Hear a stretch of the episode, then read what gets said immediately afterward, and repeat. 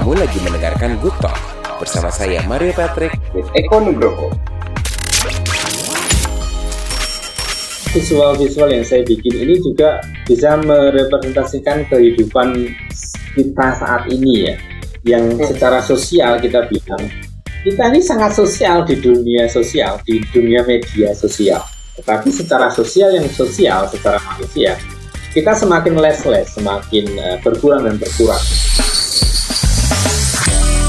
Halo good friends, kita kembali lagi di Good Talk bersama saya Mario Patrick. Senang sekali karena untuk episode kali ini saya boleh bilang ini adalah episode di mana saya harus melakukan PR saya gitu ya sebelum berbicara dengan narasumber ini karena memang banyak sekali harus yang bisa digali dari beliau ini ya. Yang akan kita ajak ngobrol ini beliau adalah seorang seniman yang mungkin boleh dibilang istilahnya adalah dituakan ya. Saya nggak bilang dia tua, tapi dituakan karena sudah banyak sekali yang dihasilkan karya-karya beliau. Founder bisnis merchandise, pendiri art class, sudah terkenal sampai ke mancanegara, berkolaborasi dengan banyak brand. Uh, wah banyak sekali lah prestasinya. Termasuk juga prestasi di berbagai negara dan karya ini dipandang sebagai satu karya yang prestis gitu ya di berbagai negara. Nah, sedikit berbeda karena uh, nanti kita akan ngobrol lebih lanjut lagi uh, bersama narasumber kita tentang sebuah karya seni. Oke, kita akan ngobrol lebih dalam lagi tentang rahasianya. Jangan ke mana-mana, tetap di Talk.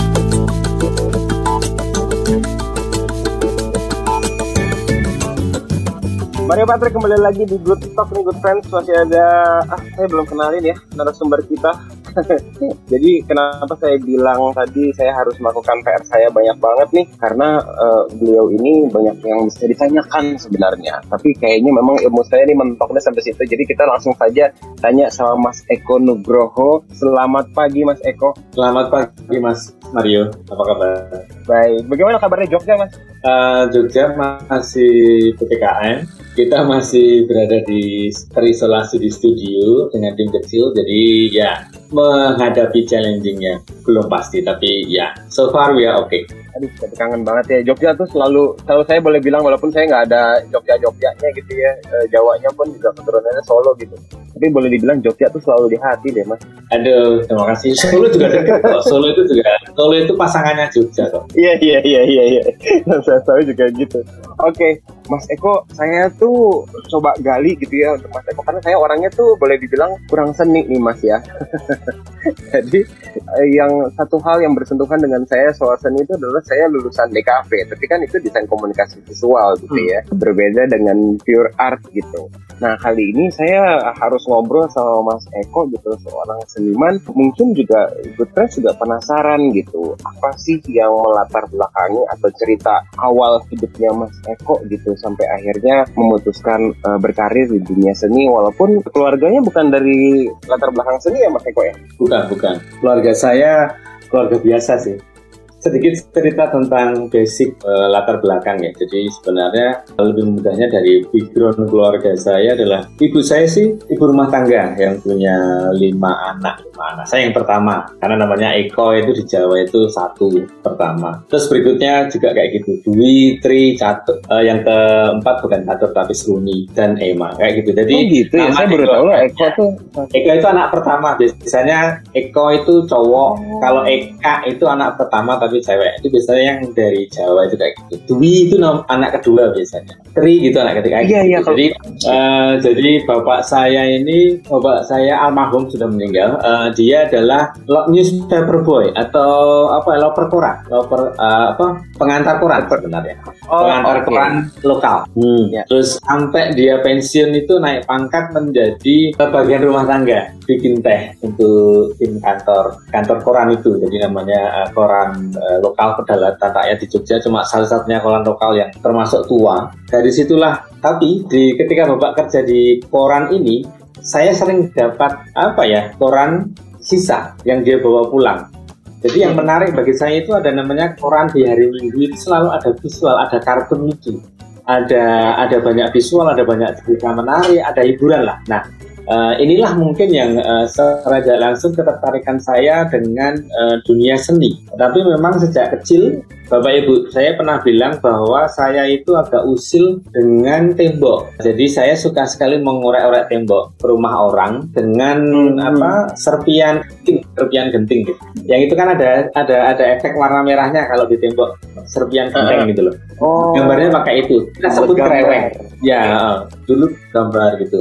Nah dari situ memori itu saya nggak inget ya, tapi orang tua saya bilang ya sejak kecil sejak kamu sebelum TK aja udah kayak gitu kelakuannya gitu, gambaran-gambarin. Hmm. Mereka bilang sih bikin kotor tembok orang gitu ya, sering dapat komplain dari tetangga. Tapi berlanjut terus TK memang saya suka menggambar, SD saya ingat bahwa saya sering suka mengusil dengan uh, buku pelajaran saya. Jadi saya terlalu bosan dengan pelajaran seperti anak-anak lainnya saya gambarin itu buku-buku pelajaran yang dipinjam dari sekolah itu. Sampulnya, belakang sampulnya. Jadi kayak gitu. Jadi rutinitas menggambar atau visual itu sangat dekat dengan saya.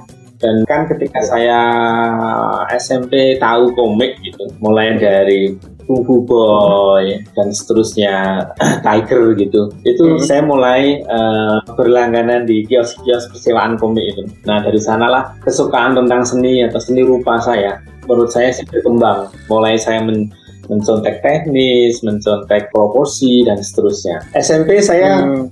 masuk di kegiatan OSIS tapi bagiannya bikin poster, tetap gambar gitu. Jadi berlanjut hmm. sampai saya kelas berupa di apa di SMSR Jogja namanya sekolah menengah atas tapi untuk studi seni rupa Kemudian saya lanjut ke isi, mengambil jurusannya lukis. Jadi memang dari SMP itu saya sudah bertekad untuk mempelajari seni rupa atau seni lukis. Dan kebetulan, ya. beruntungnya di Jogja itu kan ada sekolah seni rupa dari mulai SMA sampai kuliah ya. Ada isi ada SMSR jadi saya memilih jalur itu. Dan yang saya pilih adalah seni murni atau fine art lukis gitu. Dari situlah kesenian saya berkembang. Tapi relasi di keluarga saya nggak ada yang berhubungan dengan seni. Bahkan sampai saya bisa pameran bahkan sekitar beberapa tahun yang lalu ya mungkin baru lama 10 tahun yang lalu sebelum bapak saya meninggal gitu uh, mereka baru tanya tentang penjelasan ini maksud yang kamu gambar itu apa gitu itu itu baru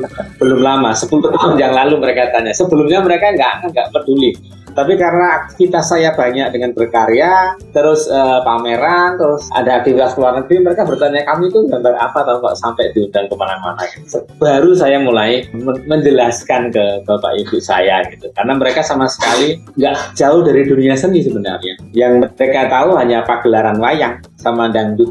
Iya, iya. iya. Aduh, tapi ya, itu terharu banget ya kalau ketika akhirnya orang tua kita tanya, "Iki opo to, Nak?" gitu ya. gitu. Iya, iya. Um, itu itu mungkin lebih susah untuk menjelaskannya gitu ya orang tua sendiri dibandingkan yeah. dengan ya klien-klien atau penikmat seni lainnya gitu Pak Jeko. Gimana rasanya ya. itu? Iya, menurut saya kenapa itu baru 10 tahun yang lalu baru mereka tanya dan mereka saya berusaha menjelaskan gitu. Jadi memang lebih susah itu menjelaskan pada iya, keluarga gitu. karena Uh, mereka tahu. karakter kita atau saya. Mereka tahu uh, mereka tahu karakter kita mereka tahu sifat kita dari kecil sampai gede. Mereka tahu hobi kita mereka tahu uh, kenakalan kita dan tiba-tiba mereka tanya tentang profesi yang kamu geluti saat ini. Nah ini yang yang yang yang menurut saya jadi agak kikuk sebenarnya waktu itu. Jadi ketika saya berusaha menjelaskan uh, dengan cara dan teknik yang senyaman mungkin dalam ruang keluarga gitu ke bapak ibu saya gitu. Dan uh, tidak mudah jadi seniman yang dibilang bahwa oke okay, seniman ini punya ideologi yang tinggi kan selalu gitu kan dan selalu uh, eksperimental dan seterusnya. Tapi ketika harus menjelaskan ke orang tua yang logikanya adalah kita paham gitu yang pasti penjelasannya harusnya kayak gini nih gini biar bapak ibu paham misalnya gitu. Itu agak susah di kepala. Tapi kalau ke publik itu ya kita ngomong apa adanya. Konsep saya seperti ini ide saya seperti ini. Tapi ke keluarga ke orang, ke orang yang dekat gitu itu akan lebih bikin pusing gitu. Jadi ada iya butuh waktu mas penjelasannya. Itu memang perkarya terus uh, lama-lama hmm. apa yang kamu kerjakan di luar sana gitu. Terus saya bikin mural saya bikin gambar saya bikin pameran tentang apa yeah. gitu tema saya bisa menjelaskan tentang konsepnya tentang uh, apa yang ada di sekitar saya tema-temanya tentang uh, apa yang ada di Indonesia di mana saya tinggal hidup dan lahir gitu isunya ada di sana tapi transformasinya visualnya adalah apa yang saya pelajari di di sekolah gitu. Itu yang yang yang saya secara simpel saya jelaskan ke bapak ibu sih waktu itu. Iya karena kan maksudnya beberapa dari kita tuh untuk menjelaskan apa pekerjaan kita ke orang-orang terdekat yeah. kita pun juga nggak gampang gitu. Seperti saya juga mau jelasin pekerjaan sama ibu bapak saya juga soal jadi penyiar radio tuh kan walaupun mereka pendengar radio gitu ya tapi agak susah juga. Ngapain sih lu gitu? Ngomong di depan ada dua di dalam ruangan gitu ya. Ngensi gitu ya. Uh, atau satu dua kali mereka sempat nonton juga sih gitu makanya saya bilang hmm. itu pasti jadi satu momen yang membanggakan sekali atau mengharukan sekali gitu bisa ketika akhirnya orang tua kita apa ya ada rasa penasaran gitu apa sih yang dilakukan yeah. anaknya gitu tapi Mas Eko jadi mungkin kalau misalnya saya bilang bahwa berada di isi gitu ya Pak belajar di isi dengan lingkungan seniman apakah itu bisa dibilang sebagai satu momen gitu di mana Mas Eko bilang bahwa oke okay, dunia seni ini adalah dunia saya gitu atau mungkin ada momen yang lain Mas Eko? Iya, menurut saya bahwa di mana seseorang itu berada di sebuah habitat lingkungan dan dan apa ya situasi otomatis itu akan membentuk uh, secara harafiah dan naruliyah aja seperti itu. Seperti saya, iya otomatis lingkungan yang saya miliki ketika masih studi misalnya taruhlah misalnya gambarannya sekarang isi ya jelas isi itu membentuk uh, karakter saya, pola pikir saya, uh, teknik saya, uh, motivasi saya untuk berkesenian, untuk uh, melukis, untuk berseni rupa. Iya, karena lingkungan uh, dan juga situasinya itu sangat mendukung. Jadi tidak hanya tentang menimba ilmu di sekolah ini, sebenarnya yang paling penting juga interaksinya, berkomunitas, ber berkoloni, ber, uh, berinteraksi dengan teman-teman, dengan uh, wacana yang terjadi di Jogja waktu itu sampai sekarang mungkin uh, nggak akan pernah berhenti untuk bisa dipelajari dan untuk dikembangkan itu. Karena keberuntungan saya sebenarnya ketika saya mempelajari dan uh, mendalami seni itu ada di Jogja. Karena secara geografis Jogja ini memiliki ruang seperti laboratorium seni yang sangat besar ya. Uh, Solo memiliki laboratorium seni pertunjukan yang luas. Di Jogja ini laboratorium seni rupanya sangat luas gitu. Jadi menurut saya kultur dua kota ini mungkin juga Solo dan Jogja. Jogja ini masih punya keraton sama dengan Solo. Tapi memang yang di Jogja ini masih eksis ada raja dan ada ritualnya, ada ada seremoninya yang di mana itu ada di tengah masyarakat. Artinya masyarakat kita ini, masyarakat Jogja, dia sudah terbiasa dengan kesenian, meskipun itu kesenian berbasis tradisi.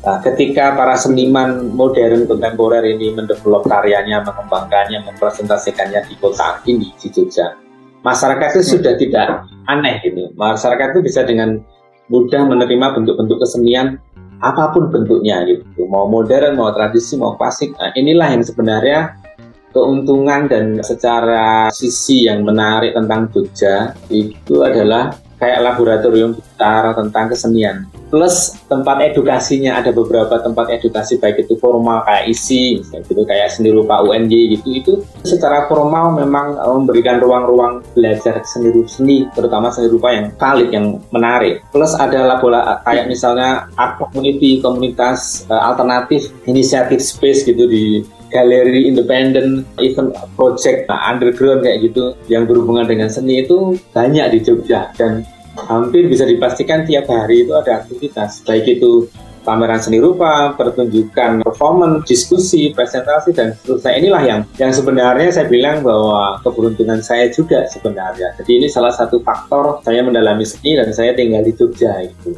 Lingkungan ya. Iya, iya, iya, ya, saya setuju sih karena memang ya orang Jog orang-orang di Jogja itu memang walaupun mereka let's say tidak menjadi pelaku seni tapi mereka sudah terekspos dengan seni sejak lahir gitu ya sudah lihat dengan ya. lingkungan sekitar gitu. Hmm.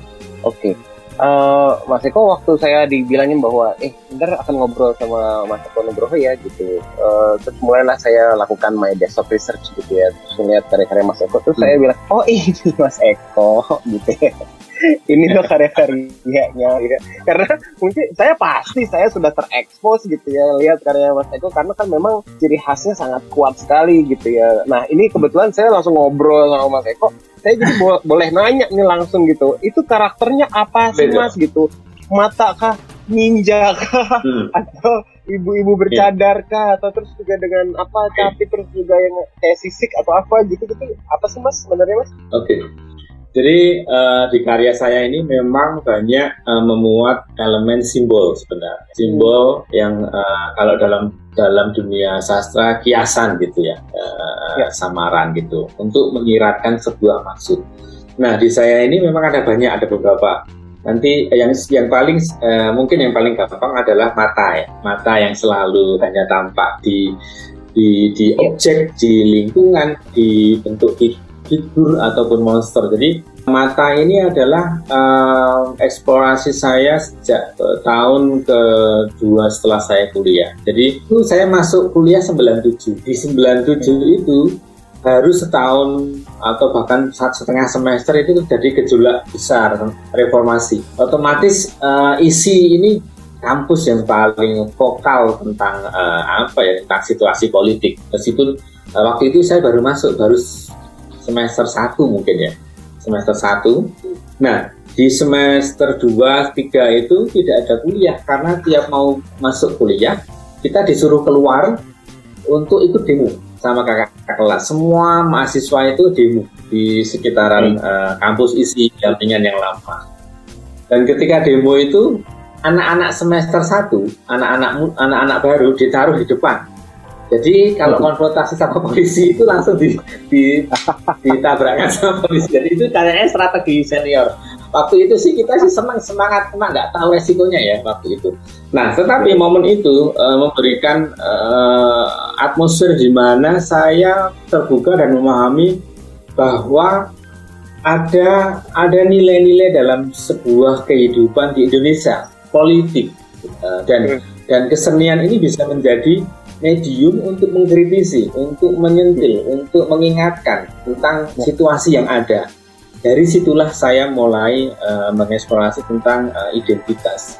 Nah, sosok mata-mata di balik yang selalu saya gambar itu, uh, itu adalah simbol daripada identitas bahwa kita manusia ataupun sebuah negara itu selalu memerlukan dan dan membutuhkan identitas. Manusia aja atau person aja memiliki minimal dua identitas. Identitas dia berada di rumah, identitas berada di kantor, atau identitas dia berada di dunia sosialnya. Ini baru kita masyarakat modern ya. Nah, belum lagi sebuah negara itu memiliki banyak identitas tentang uh, apalah kultural, tentang power negara yang superpower dan seterusnya. Nah, mengerucut kepada bentuk figur-figur yang saya bikin, ini sebenarnya mengkritisi tadi. Satu bentuk identitas masyarakat Indonesia itu sangat majemuk, sangat banyak dengan budayanya, yang hanya tampak adalah mata-mata kita. Mata-mata. Dan uh, yang kedua, itu juga pada akhirnya konsep itu berkembang menjadi sebuah korelasi masyarakat modern saat ini, saat sekarang ini bahwa di zaman yang serba canggih, di zaman di mana sosial media itu menjadi teman tidur kita, dan di mana hmm. satelit itu sudah masuk ke ruangan-ruangan privat, orang ini pandai, orang ini banyak membaca, orang ini banyak melihat dan orang banyak tahu. Tetapi mereka minim atau kita minim bicara baik, maka tidak ada mulut di situ. Kita minim mau mendengarkan, kita ingin selalu didengarkan. Nah, maka di situ minim tidak ada telinga di situ. Makanya Kenapa visual-visual yang saya bikin ini juga bisa merepresentasikan kehidupan kita saat ini ya, yang hmm. secara sosial kita bilang kita ini sangat sosial di dunia sosial, di dunia media sosial. Tetapi secara sosial yang sosial, secara manusia, kita semakin less-less, semakin uh, berkurang dan berkurang. Ini yang menjadi menarik saya untuk mencermati itu, sehingga saya hanya menampilkan sosok di mana hanya tinggal matanya aja manusia semakin cerdas, tapi manusia juga semakin kehilangan elemen lainnya. Itu hmm. yang sebenarnya tampil ketika ada banyak mata di satu figur. Kadang saya bikin ada empat mata, atau hmm. di sebuah objek taman rimbun hutan gitu, terus ada mata-mata tersembunyi, terus hmm. ada objek-objek yang yang yang itu bukan figur, tapi misalnya kayak batu, tapi ada matanya kayak gitu. Itu artinya representasi representasi dari uh, apa yang saya bilang tadi identitas dan juga bahwa masyarakat modern itu uh, menjadi hal demikian. Terus tentang capit gitu, itu saya selalu juga pakai gitu bahwa itu representasi bahwa itu adalah sifat uh, manusia yang sesungguhnya. Satu, capit itu adalah uh, simbol dari potong kompas. Tapit itu adalah simbol daripada korupsi. Tapit itu adalah simbol daripada kamu nggak mau mengikuti proses, tetapi kamu hanya ingin jawabannya saat itu juga. Yang itu bisa menjadikan masalah. Dan ini sebenarnya sifat manusia pada dasarnya yang sebenarnya semuanya mau untung, semua mau diuntungkan, nggak ada yang mau rugi. Nah, kayak gitu. Terus uh, ada banyak simbol lainnya sebenarnya, ada banyak batu, bagaimana sifat manusia atau kita ini juga berdekatan dengan batu, uh, mengeras, kadang susah sekali. Ego kita ini terlalu besar dibanding dengan eh, nilai-nilai yang lainnya.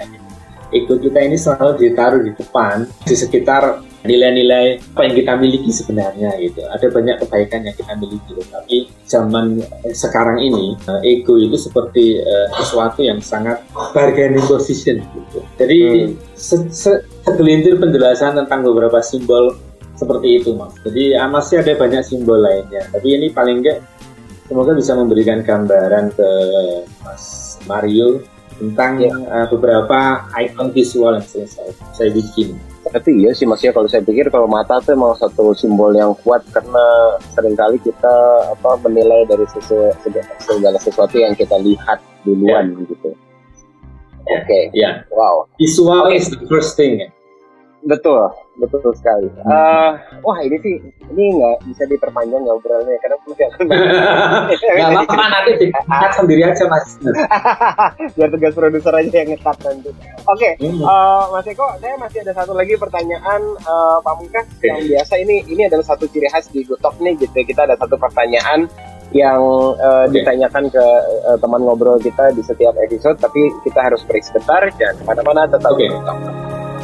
Kamu lagi mendengarkan Good Talk bersama saya Mario Patrick with Eko Nugroho. Balik lagi di Good Talk barengan sama, sama, sama saya Mario Patrick ya good friend dan kita masih ngobrol dengan Mas Eko Nugroho uh, di obrolan kita yang sebenarnya ini cuma sebentar nih gitu ya. Udah banyak sekali filosofi yang sudah diceritakan sama Mas Eko gitu. Nah, uh, akhirnya saya punya kesempatan untuk dijawab langsung oleh uh, penciptanya gitu ya bahwa karyanya Mas Eko yang memang sudah terkenal dengan ciri khasnya yang paling pertama kali kelihatan sih itu adalah si mata itu dari kita udah bahas. Capi terus juga simbol-simbol yang lain gitu. Tadi sudah uh, kurang lebih sedikit sekali sudah diceritakan sama Mas Eko. Tapi Mas Eko ini saya ada pertanyaan uh, karena saya tahu juga gitu bahwa satu karya seni itu bukan hanya untuk uh, apa ya istilahnya ya uh, memanjakan seseorang dari visualnya dia gitu atau dari hatinya dia gitu. Tapi ternyata memang kalau karya seni itu bisa jadi satu pergerakan sosial social movement gitu atau powernya tuh cukup kuat gitu. Seperti kalau misalnya ya mungkin saya karena lebih terekspos ke musik gitu saya bisa lihat bahwa musik itu bukan hanya untuk dinikmatin aja tapi juga let's say kalau yang paling baru misalnya uh, untuk let's say di Amerika tuh Black Lives Matter gitu ya. Uh, Beyonce gitu ya atau uh, musisi-musisi lainnya mereka membuat lagu tentang bahwa uh, istilahnya Black Lives Matter itu cuma bisa menggerakkan jadi satu kehidupan sosial gitu. Nah kalau menurut Mas Eko tuh seberapa kuatnya sih power dari sebuah karya terhadap kehidupan sosial Mas? Final round. Menurut saya sangat penting ya karena karena kesenian atau seni itu sebenarnya uh, profesi atau bidang yang sangat cair, sangat cair sekali yang bisa masuk ke ranah kehidupan semua level kehidupan atau bahkan semua level profesi.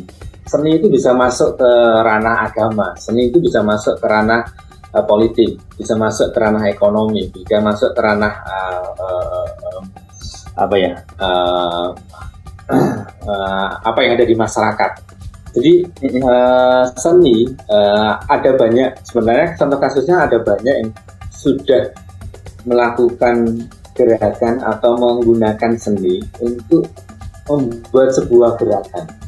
Uh, uh, kita bisa kita bisa tahu banyak ya internet akan menyediakan banyak informasi bahwa secara internasional gerakan dengan menggunakan seni saya pernah ingat bahwa sebuah gerakan di Meksiko itu uh, meng, uh, menggunakan protes, tetapi menggunakan uh, sebuah patung paper mache yang meng, meng, membuat visual-visual tokoh-tokoh hmm. uh, yang mereka kritisi. Uh, bahkan bentuk-bentuk uh, bentuk-bentuk visualnya itu terasa sangat kuat sekali dibanding apa ya uh, gerakan masif uh, gerakan masif orang-orangnya karena begitu banyak karakter-karakter visual yang dibikin dan dibawa ke, ke ke protes itu sehingga memberikan memberikan nilai kekuatan yang sangat besar gitu. Di, di samping juga ada uh, pesan dan teks yang disampaikan juga. Tapi visual-visual yang dibawa itu memberikan nilai daya tarik tersendiri kepada publik umum yang melihat protes itu. Ada nilai-nilai yang lunak, bukan lagi sebuah protes yang mengerikan, bukan lagi sebuah protes yang menghantui, menakutkan, tetapi dengan visual yang dibawa dalam sebuah protes itu memberikan nilai-nilai yang sangat pendekatan ke publik yang sangat menarik gitu. Contoh seperti pawai dan festival. Katakanlah hmm. kalau pawai dan festival itu menarik dilihat ketika disusupi uh, katakanlah kita kita kasih pesan sebuah protes atau sebuah kritik itu akan tampak menyenangkan, bahkan akan tampak menarik dibanding orang hanya datang hmm. atau berbondong-bondong protes dengan uh, menggunakan hanya membawa tulisan-tulisan aja gitu atau men meneriakkan suara-suara yang keras gitu. Artinya uh, bisa dibilang masyarakat ini ketika menikmati atau mengalami sebuah protes atau sebuah demokrasi atau sebuah kritik dia bisa memahami dengan sangat uh, apa uh, lembut tidak takut artinya paham, menyenangkan, mendekati dan ingin tahu. Itu itu sebenarnya yang yang yang bisa kita bilang satu contoh kecil, satu sim, hal simpel tentang bagaimana seni ini bisa berperan.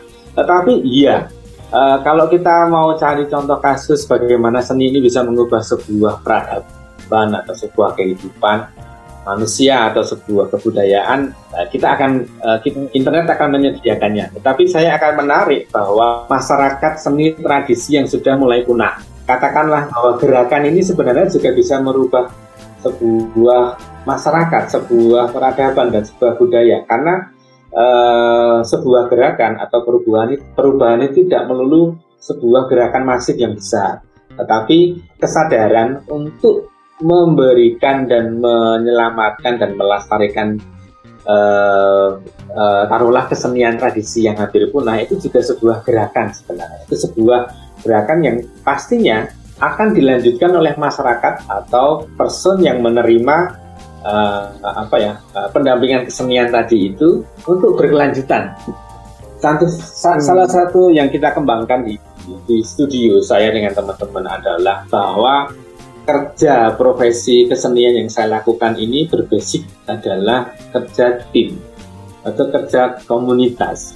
Jadi sebagai seniman seni lukis yang dididik belajarnya itu adalah uh, soliter uh, uh, yang meng mengutamakan ego, yang mengutamakan diri sendiri, melukis di ruangan, ekspresi, fantasi dengan hal-hal yang berhubungan diri, diri sendiri. Saya mau mencoba membuka membuka uh, apa ya stigma tentang seni lukis ini fine art ini dengan metode kerjanya ya dengan metode kerjanya. Tetapi berkaryanya tetap ada pada saya tetapi metode berkarya metode bekerjanya atau berkaryanya itu bisa fleksibel.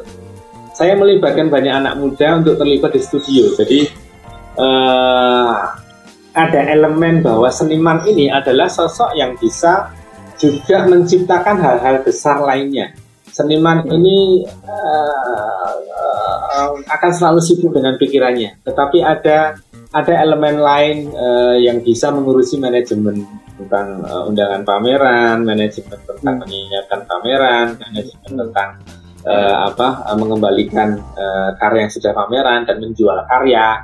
Terus ada lagi uh, bagaimana mendesain untuk ketika saya diundang untuk coba proyek kolaborasi dengan brand saya tentu memiliki tim yang akan me mewujudkan ide-ide saya dengan desain yang bagus yang bisa diaplikasi oleh produsen atau atau industri agar memproduksinya lebih mudah dan dan menjadi lebih lebih menarik gitu. Bagaimana saya bisa ber, be, apa membuat project dengan uh, komunitas NGO uh, atau uh, komunitas-komunitas sosial lainnya, gerakan-gerakan lainnya. Saya membuat sebuah tim kecil untuk uh, mewujudkan ide ke sana. Jadi sebenarnya uh, secara efek, secara impact sebenarnya kesenian itu bisa sangat fleksibel meskipun skala kecil, tapi dia bisa menggerakkan masyarakat yang menjadi, gerakan masyarakat yang gede. Memang bentuknya bisa berbeda-beda. Di, di kasus saya bentuknya tidak akan tampak sama sekali masif sebuah gerakan yang bergerak bersama-sama mengubah sesuatu, tetapi secara personal, secara individu kita di studio ini saling belajar. Uh, saya bisa mengembangkan banyak metode dan teknik. Teman-teman di sini bisa belajar tentang bagaimana uh, menghidupkan sebuah kesenian, baik itu komersial maupun non komersial. Nah, ini yang sebenarnya uh, uh, saya kembangkan. Ini, ini yang saya uh, coba wujudkan menjadi sebuah gerakan-gerakan uh, kesenian yang yang menarik gitu. Seperti saya membuat Ekonugroho Art Class, sebuah kelas kecil, sebuah tempat di mana uh, semua orang dari usia anak 4 tahun sampai mahasiswa sampai ibu-ibu itu bisa belajar mempelajari seni rupa atau bahkan uh, mereka seniman muda ingin mengembangkan dirinya menjadi seniman profesional. Jadi saya membuka kelas Ekonogrowa Art Class ini juga juga mengembalikan manfaat dari kesenian atau seni rupa yang sudah saya punya gitu dan sudah saya miliki dan sudah pernah saya rasakan.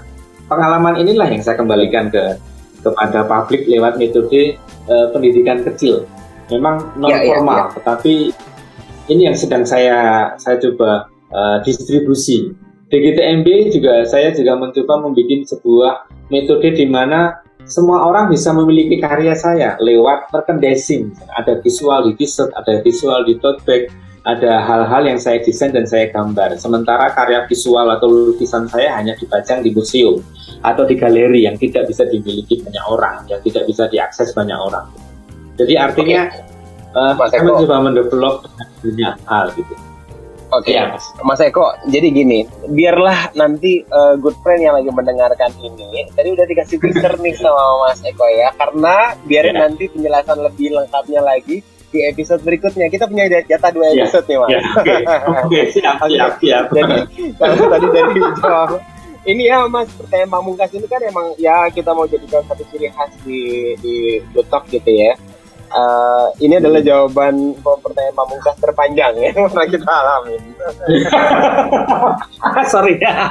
Gak apa-apa, gak apa-apa, gak iya. apa-apa. Oke, okay, jadi uh, mungkin saya tadi boleh simpulkan dari penjelasan Mas Eko gitu bahwa memang uh, powernya memang segitu besarnya gitu dari sebuah karya seni. Uh, bukan hanya untuk menjadi untuk sosial juga, tapi karya seni itu adalah sebuah warisan gitu ya dalam bentuknya macam-macam bukan hanya dari karyanya aja tapi dari si seninya itu sendiri.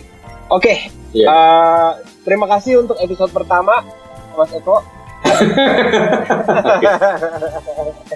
Tunggu dulu, karena kita mau beranjak. Yeah. Memang sengaja ini kalau di episode pertama ini kita mau gali dulu, mau kenalan dulu gitu. Siapa sih yeah. Mas Eko yeah. Nugroho ini gitu. Karena nanti yang ke depan kita akan berbicara yang lebih luas lagi tentang karya-karya Mas Eko yang sudah go internasional.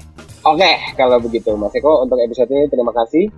Uh, untuk Good Friend juga terima kasih. Jangan lupa dengerin terus uh, ini kita. Tunggu, ini ini yang saya harus sebutin nih Mas. Tunggu ya, ada perubahan jadi saya harus uh, lihat contekan. Jadi untuk Good Friend, pasti untuk selalu dengerin Good Talk setiap hari Senin sampai dengan Jumat jam 10 pagi sampai dengan jam 4 sore di Delta FM, Bana FM, dan juga Bimbel Radio.